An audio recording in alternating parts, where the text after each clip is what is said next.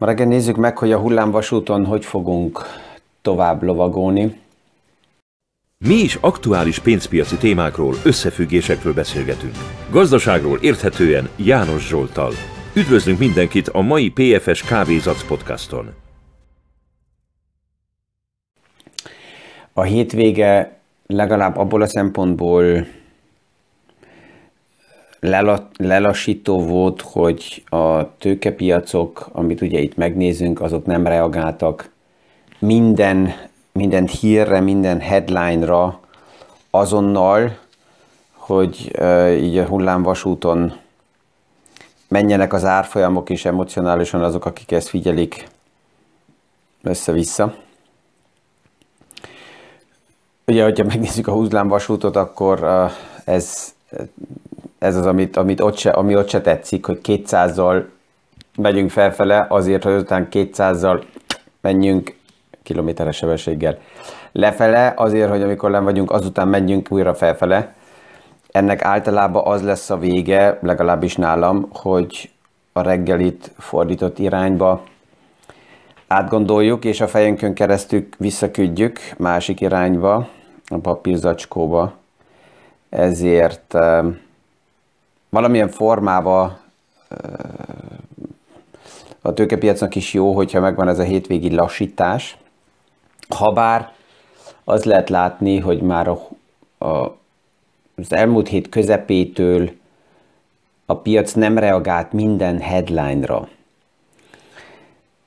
Beszéltünk két, két héttel ezelőtt arról, hogy a bizonytalanságok feloldódnak, sajnos vagy így, vagy úgy. Tehát addig, amíg a piac bizonytalanságban van, és nem tudja, hogy hova tegye az eseményeket,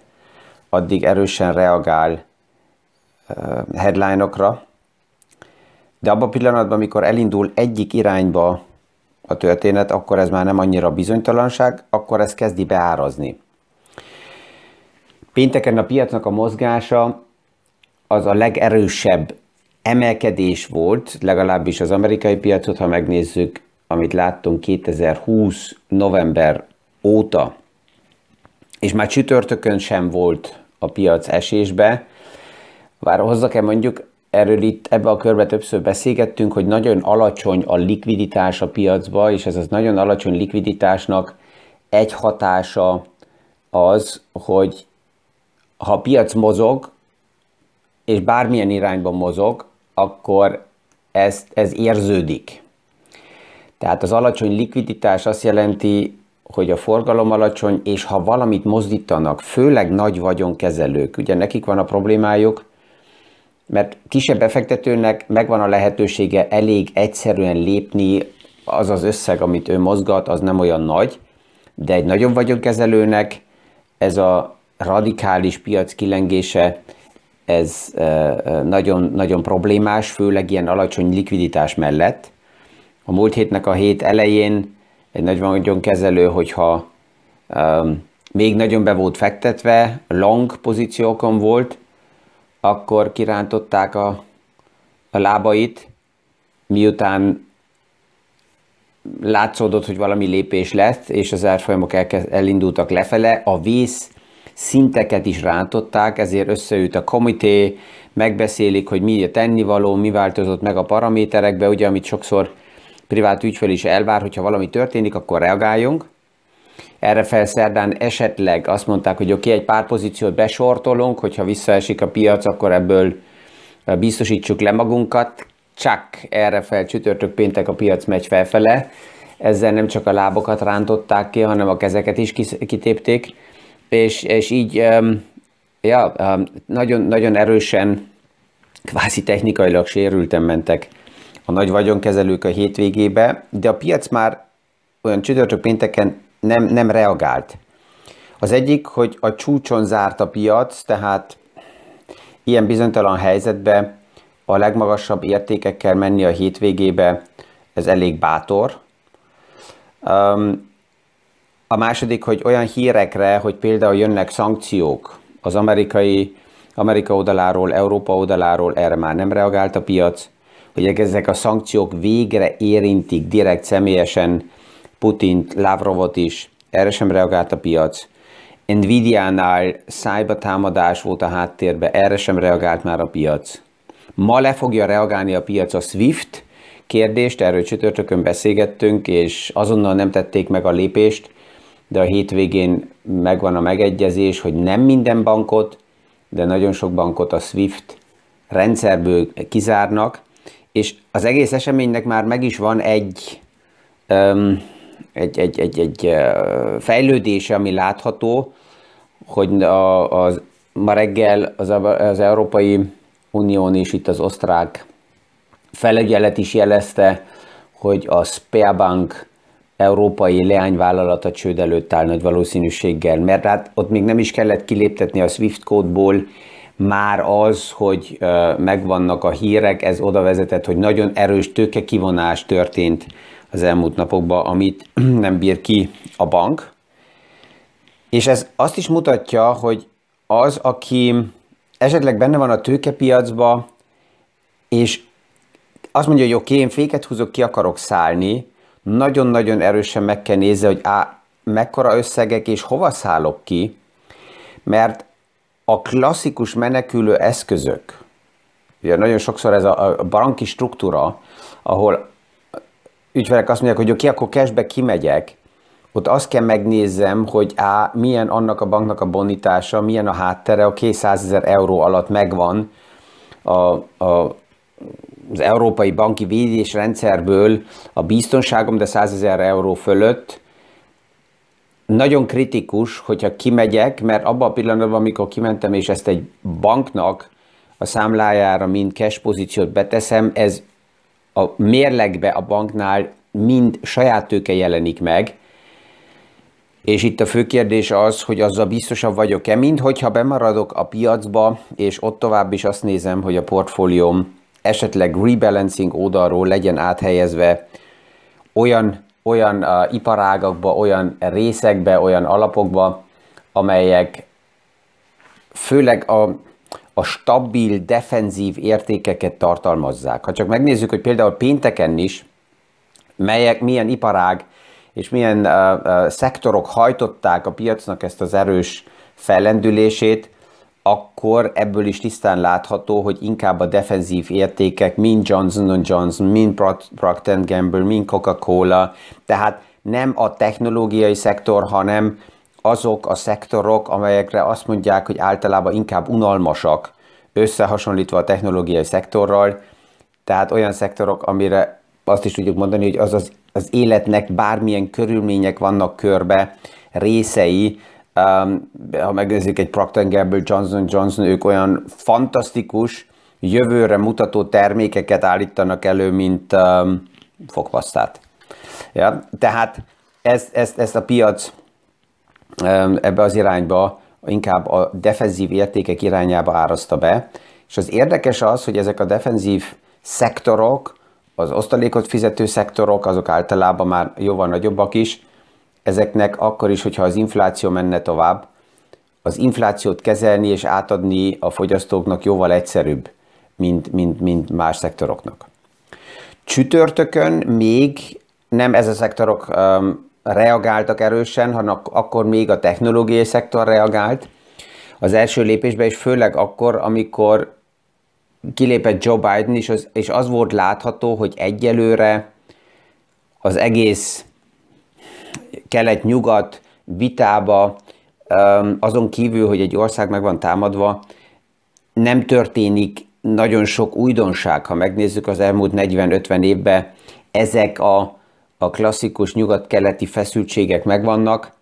és erre nagyon hamar reagált a piac, azzal, hogy először a technológiai szektor, vagy főleg azok az iparágak emelkedtek, amelyek azelőtt nagyon kivótak bombázva. A hétvégén egy olyan kiértékelés került a kezembe, amelyik a Russell 3000 cégeket mutatja meg, tehát azok az iparágak, azok a, ez nagyon széles index, és ott lehetett látni, hogy azon a, a, a, a széles indexen belül melyik iparágak, melyik cégek reagáltak a legpozitívabban csütörtökön, és azt lehetett látni, hogy a leg, az év elejétől a legmélyebbre zuhant cég, a legerősebben emelkedett, a kilencedik az, az a második helyen volt az úgynevezett reboundba. A veszélyes csak az, hogy ezt félre is lehet érteni, mert ezek a, ezek a nagyon erős visszalendülések csütörtökön, ez annak is egy eredménye, hogy nagyon sok iparág erősen, agresszívan sortolva volt, tehát üresbe volt eladva, azzal a spekulációval, hogy mélyebb árfolyamon majd meg lehet őket újra vásárolni, és miután látható volt, hogy egyelőre nem lép agresszívanban be Amerika főleg az eseményekbe, ezért ezeket a sortokat be kellett fedezzék, és ebből adódott ez, az, ez a short rally, de ez még egyelőre nem azt jelenti, hogy megfordult a piac, minden lenyugvott és stabilizálódott. Ez azoknak is főleg egy jel, akik a múlt héten nagyon sok olyan beszélgetés és kérdés volt, hogy akkor most azonnal kell reagáljak, sem vétel, sem menekülés oldaláról. A, a, a kapkodás nem szükséges, ebbe hibáznak a legtöbben, és ebbe vásárolnak a legtöbb um, rossz tapasztalatot meg az emberek, hogyha ilyen helyzetekbe kapkodnak. Mert sem a, sem a kapzsiság, sem a pánik, legalábbis a tőkepiacon nézve nem segít egy aktuális helyzetbe, addig, amíg nem látom, hogy, hogy elszállt a por, és milyen kihatása van az egész eseményeknek. És egy téma van, amin sokat filozófálni, ezt kell mondjam, hogy fárasztó, minden, ami azt a kérdést teszi fel, hogy mi fog történni, mi fog jönni, főleg az orosz oldalról, ezt senki nem tudja. Reméljük, hogy legalább egy ember tudja, ha bár a lépéseikből inkább elmebetegség jelei vannak meg, ami nagyon veszélyes, meg kiszámíthatatlan, hogy mi történik, és szinte mindegy dacos gyermek harap és karmol. Um, aki, aki, aki ja, intellektuálisan vesztesnek érzi magát a nagyobb testvérrel szembe. Valahogy így, így tűnik ez az esemény. Um, és persze, hogy erre érdemes figyelni, mert um, akkor is, ha nincs igaza, um, ott, ott történhetnek olyan dolgok, ami nem, nem veszélyes, ami nagyon veszélyes. Um, főleg ezen a héten próbálok azokkal a témákkal foglalkozni, amit, amit ismerünk. Tehát azokkal foglalkozni, ami történni fog, és amit ismerünk, mert ez, ez az alapja a tőkepiacnak, és erre jönnek rá azután a váratlan események. Ami várható, és amit ismerünk, az másodika és harmadika. Az egyik, hogy Powell a szenátus előtt az aktuális helyzetet fogja um, kirakatba hozni, a Fed oldaláról nézve, itt nagy valószínűséggel A a jel tovább megmarad, hogy márciusban az első kamatemelés 0,25%-kal, és azután ilyen normális 0,25%-os kamatemelési lépésekkel várható, hogy a Fed tovább fog menni. Plusz a mérleg kérdése, ami inkább aktuális helyzetben halasztásra utal. Halasztás csak azért, mert a piac magának bebeszélte, hogy hamarabb lesz a mérleg csökkentés, amit a Fed még alapjában ki sem mondott hivatalosan, tehát a Fednek az is elég lesz, hogyha azt mondja, hogy a mérlege kapcsolatosan ugyanúgy fog eljárni, mint ami eddig a terv volt, hogy nem túl gyorsan. És, és ez a piacokat tudja ebből a szempontból tovább nyugtatni, ha bár persze, hogy minden nap a lépésekbe figyelik a központi bankok is, hogy, hogy mi történik, és főleg mondom, a mai nap az lesz az érdekes, hogy a SWIFT kérdésének a hatása milyen lesz, egy pár bank nyitva maradt, már csak azért is, hogy az energia ellátást azt lehessen tovább lekezelni Oroszországgal, és ebből is látjuk, hogy egy áldozat, egy, egy, egy zsarolható nem tud nagyba fellépni és szabályokat meg, meg, meghozni, mert ha radikálisan le lenne minden zárva a SWIFT rendszerbe, erről csütörtökön beszélgettünk, akkor ez azt jelenti, hogy azonnali hatással a szükséges energiát sem lehetne kifizetni, és ezért ez egy vicces helyzet, ezt, ezt más projektekből is, amikor nagy rendszerek transformációráról cégekkel beszélgetek, ott is lehet látni, hogy rendszereknek az élvezői vagy az áldozatai hangosak lehetnek néha, de változtatni semmit nem akarnak, mert akkor ők is érintettek, és ezt a legtöbben nem akarják. De végre van olyan kijelentés is, ami azt mutatta a tegnapi nap is, aztán meglátjuk, hogy mi lesz a vége ennek, hogy végigmenjünk-e konzekvensen, hogy a szabadságnak megvan az ára, és csak kívülről nézni, és azt mondani, hogy oké, okay, hagyjátok, hogy a, a, a mi jólétünk maradjon meg, ez egy néha egy kicsit túl kevés. Um, um, tehát ott voltunk, hogy mi az, amit ismerünk, és mi tud tovább lépni. Um, az Európai Unión oldaláról, uh, ugye itt az Európai Központi Bank oldaláról nagy lépések egyelőre nem várhatóak, mert ott a kamatemelés 2022-re még úgysem volt jelezve. Tehát itt az EU szemszögéből megmarad a likviditási támogatás, itt nem kell nagyon elveket változtatni, kamatemelés nem történt meg, ezért nem is kell kamatokat csökkenteni. És egy dolog még lehet, hogy aktiválja az Európai Unión a tömegmenekülési paragrafust, ami még a Balkán háború idején lett aktiválva, és ez azért lényeges, mert feltevődik az a kérdés, hogyha ma jönnek menekültek Ukrajnából, akkor ők itt meddig maradhatnak jogi státuszból, és mit kezdhetnek. És a paragrafus aktiválása nélkül maximum olyan 90 napnál vagyunk, de ez átul kevés, és ha már itt vannak, akkor persze, hogy ez, ez a korlátozás nem jó. A tömegmenekülési paragrafus aktiválása az azt is jelenti, hogy akkor hosszabb időre maradhatnak, és hivatalosan a munkapiacnak rendelkezésére állnak, tehát munkát vállalhatnak, tehát pont egy olyan része az infláció fejlődésnek, amelyik érintette a munkapiacot, mert bizonyos iparágokban munkaerő hiány, ez elindított egy bérinflációt felfele, ami infláció oldaláról negatív az egész kamathatása, ez, ez az esemény akár itt, ez ellen tud hatni a következő hetekbe, hónapokba, hogyha valójában itt Európában megjelenik egy olyan munkaerő, amelyiket persze, hogy bevonni már azért is fontos és érdemes, hogy, hogy a pszichológia oldaláról, hogy meglegyen a, a, az elfoglalás és, és a napi szinten ne csak az eseményeket figyeljék, ami történik Ukrajnába, de másik oldalról ez az európai munkaerőpiacnak ad egy, egy, egy, egy szelepet, ami pillanatnyilag eléggé ki volt száradva. A múlt héten volt olyan visszajelzés is, hogy hogy lehet ennyire hidegen az aktuális eseményeket érzelmek nélkül kommentálni, és hogy mennyire perverz a tőzsde, hogy ez emelkedik. És erre újra és újra csak azt tudom mondani, hogy ja igen, és van rengeteg ilyen eh, Putint értő, de, de gondolom, hogy ők már csomagolnak, és a menekülő hullámmal szemben mennek, hogy neki segítsenek. De um, amellett, hogyha itt mi beszélgetünk, azt ki lehet mondani, hogy nem is kérdés, hogy csak, csak sajnálni lehet azokat az embereket, akik most érintettek, és, és um,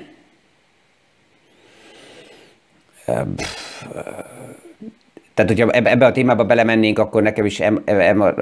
maradnak a szavai, mert, sok minden van, amit nem lehet nagyon komolyan kommentálni, de a tőkepiac, a tőzsde, az egy tükörképe szerencsére az eseményeknek, és ez azonnal beárazza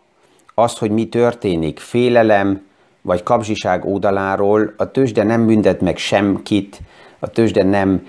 ajándékoz senkinek, a tőzsde nem ad senkinek igazat, hanem ez egyszerűen egy azonnali tükörképe, és ezt látjuk, hogy nagyon-nagyon gyorsan beárazza, és ez egyre gyorsabb és gyorsabb fog lenni a következő években, mert egyszerűen a technológiai rendszerek megadják ezt a lehetőséget. Sőt, azt is látjuk, hogy a technológia egy szemszögből nagyon erősen tovább fog fejlődni, ami még mindig gyengesége az adatbázisoknak, mert a tőkepiacon sem látunk még mindent abba a szükséges transzparenciába, ami kellene. Csak veszek egy példát, egy pár héttel ezelőtt ugye az amerikai szektorból jöttek a munkapiacból a, a kijelentések, a számok, eleinte a negyedik, negyedévre, nem, decemberre körülbelül 600 ezer munkahelyet vártak el a piacok. A bejelentés volt, hogy 120 ezer jött létre. Mikor megvolt ez a headline, akkor a piacok hirtelen csalódottak voltak és korrigáltak. Három héttel később kijött a decemberi számoknak a korrekciója, amelyik azt mutatta ki, hogy mégsem 120 ezer munkahely jött létre, hanem plusz 500 ezer munkahely jött létre. És ezek mind azt mutatják, hogy még nem vagyunk sajnos ott, ahova kell kerüljünk, és ezek az események mind azt fogják mutatni, hogy a big data rendszerek ki, eh, ki értékelése még pontosabb és pontosabb fog lenni, hogy akár gomnyomásra sokkal tisztánban lássuk a számokat, és ne legyen ennyi elmélet, ennyi tapogatózás, ennyi össze-vissza uh, uh, próbálkozás benne, hanem még pontosabbak legyenek a számok. És, és az aktuális helyzet is ezt mutatja fel, hogy túl sok találkozás van, túl sok mellélövés van, és ezt teszi nehezé is a piacot valójában interpretálni, mert sok manipulált információ van benne, ami jó, és ez a hétvégén legalábbis feltűnt, hogy a social médiában rengeteg az a figyelmeztetés, hogy fake news, fake news, fake news, pontosan megnézni, honnan jön a forrás, nagyon kritikusak kezdenek lenni az emberek szerencsére, a fiatalok is nem kattintanak bármire állandóan rá, mert, mert érezhető az, hogy az, amit látunk, az az adatbázis, az lehet, hogy valami propagandának csak egy része, és ezt érdemes kritikusan megnézni. Most látom éppen az időt, hogy milyen gyorsan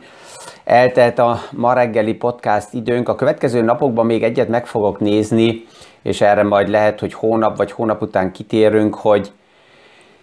Historikusan minden aktuális eseménytől független, mit jelentett az elmúlt évtizedekben az, hogyha nem csak január, hanem február is gyenge hónap volt, hogyha most ezek a számok még nem aktuálisak, ezt majd a, a hónap-hónap utánra aktualizálni fogom. 2009-ben a január mínusz 8% volt, február mínusz 11, 2022-ben a január, hogyha a Standard Poor's indexet nézzük, akkor mínusz 5% volt, február mínusz 7 volt, ugye ez nem teljesen stimmel, ez egy csütörtöki szám volt, de majd meglátjuk, hogy a mai nappal hogy zárjuk le a, a piacokat, és ezt meg fogjuk nézni a következő napokban, hogy ez mit jelentett általában a múltba az egész évnek, hogyha január-február gyengébb volt, hogy voltak a további fejlődések. Ezzel, mint mindig, reggel is. Elbúcsúzok, kellemes, amennyiben lehet kellemes napot kívánok mindenkinek, nyugodt napot. Hónap is újra találkozunk. Hónap este lesz a következő PFS divány beszélgetés megszervezve. Megvannak témák, ami főleg a nemzetközi ingatlan fejlesztési projekteket érinteni, de persze, hogy felül van írva ez a, az esemény az aktuális hírekkel, és arra is ki fogunk biztos térni. Tehát, hogyha valakinek érdekel, ha valakit érdekli élesbe részt venni a webináron, akkor ezt nyugodtan a PFS-nek jelezze, és akkor a linken keresztül ott lehet lenni. Kellemes napot, és viszonhallásra a hónap reggeli PFS Kávézac podcastig. Mi is aktuális pénzpiaci témákról, összefüggésekről beszélgetünk. Gazdaságról érthetően János Zsoltal. Üdvözlünk mindenkit a mai PFS Kávézac podcaston!